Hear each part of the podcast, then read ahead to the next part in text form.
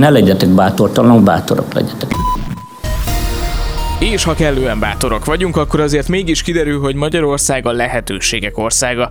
Nézzék meg a miniszterelnököt, épp most emelik a fizetését havi 6,5 millió forintra. Hát ebből is látszik, hogy a kemény munka mindig meghozza a gyümölcsét. De azért nyugodjanak meg, lesznek igazi hírek is, mint a mai adásban. Kemény Dániel vagyok. Breaking, a Klubrádió hírpodcastje. A képviselők bére legalább bruttó 232 ezer forinttal, Orbán Viktor fizetése pedig akár 859 ezer forinttal is emelkedhet márciustól, ha az előrejelzéseknek megfelelően valóban 15%-kal emelkedik a 2023-as átlagbér Magyarországon. Erről ír az RTL. A portál számításai szerint a miniszterelnök fizetése így már 6,5 millió forint feletti lesz, Kövér László házelnök várhatóan 4,8 millió forintot kap, a miniszterek pedig legalább 3,5 millió forintot. Gratulálunk! Na de hát van ezeknek a politikusoknak munkája bőven.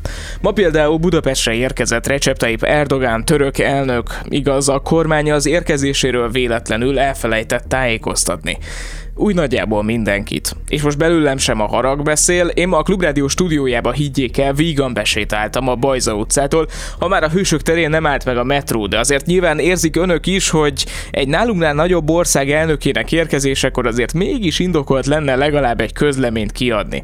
Ilyet a Klubrádió egészen biztosan nem kapott, de hasonlóra panaszkodik a Telex és a HVG is. Ők a látogatást véletlenül tudták meg egy külföldi forrástól. Apropó szuverenitásvédelem, ugye? Orbán Viktor a Karmelitában fogadta egyébként a török elnököt délután, ahol hétfő reggelre lássanak csodát, eltűntek az épületnél bő két éve felállított kordonok. Jó napot kívánok, még mindig én vagyok Kemény Dániel. Ezt a hangot, amit most önök hallanak, ezt a podcast vágása közben illesztem be a végső epizódba, ugyanis képzeljék el, hogy miután felolvastam a híreket, kijött egy ilyen rendkívüli hír. Orbán Viktor posztolt a Facebookra egy lovas nemzet ajándéka egy lovas nemzetnek, főúra, mezőhegyesi, ménes birtok, Nónius ménye. Ezzel a poszt szöveggel, tehát Orbán Viktor falán látható egy fotó, ahogy Recep Tayyip Erdogan török elnöknek a magyar miniszterelnök átnyújt egy lovat, de egy igazit. Szóval ezt a posztot külön ajánlom az önök figyelmébe, és külön ajánlom megtekinteni a török elnök arckifejezését, amit akkor vágott, amikor meglátta az ajándékot.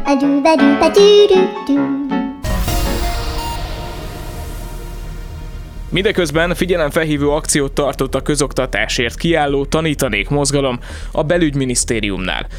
A szervezet ezúttal több mint ezer diákoktól, oktatási dolgozóktól, szülőktől kapott üzenetet szeretett volna átadni egy könyvbe szerkesztve Pintér Sándor belügyminiszternek. Az üzenetek legtöbbje a tanárhiány elképesztő mértékéről és a közoktatás válságos állapotáról szól.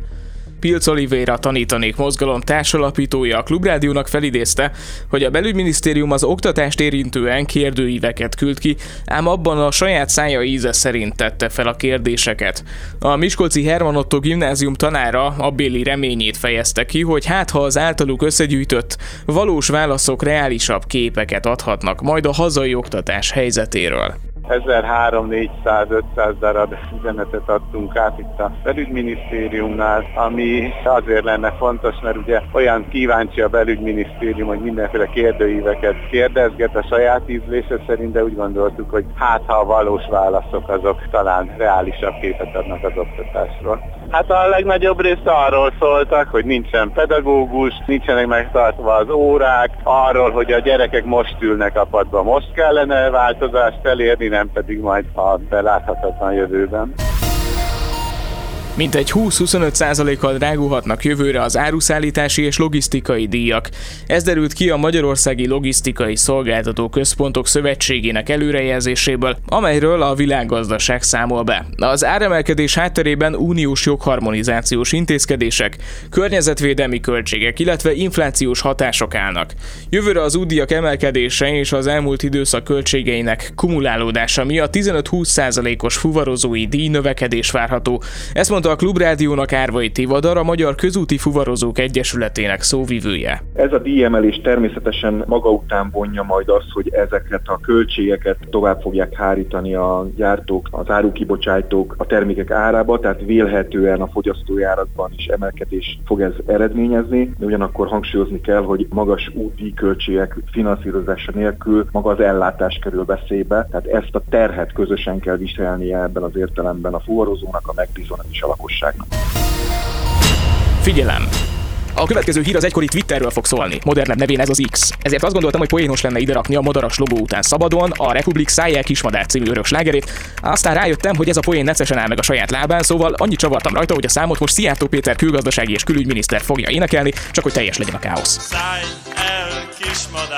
Jogsértési eljárást indított az Európai Bizottság az X, tehát a Twitter ellen bizonyos uniós szabályok megsértése miatt. A gyanú szerint az X nem tartotta be a tartalom moderálásra és átláthatóságra vonatkozó európai szabályokat.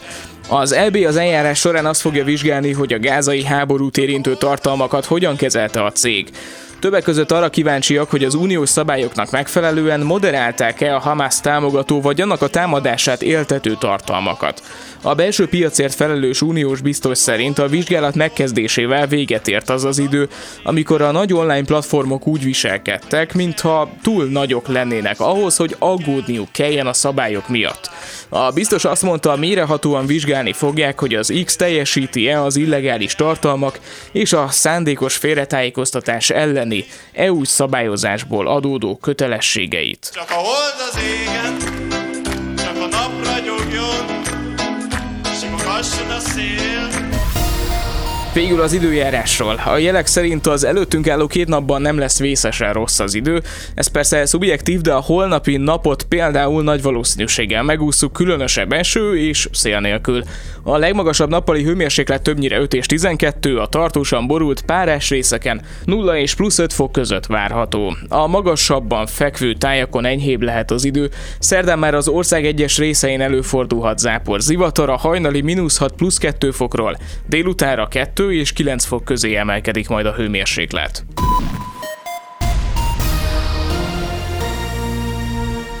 Ez volt a Breaking, a Klubrádió hírpodcastja 2023. december 18-án. Iratkozzon fel csatornánkra, hogy ne maradjon le hírösszefoglalónkról holnap sem. Most arra Nemes Dávid, Turák Péter és Selmeci János kollégáim nevében is megköszönöm az önök kitartó figyelmét. Kemény Dánielt hallották, és ezúton is kívánok önöknek nagyon boldog és tartalmas ünnepeket. Ez volt a Breaking. A Klubrádió hírpodcastjét hallották.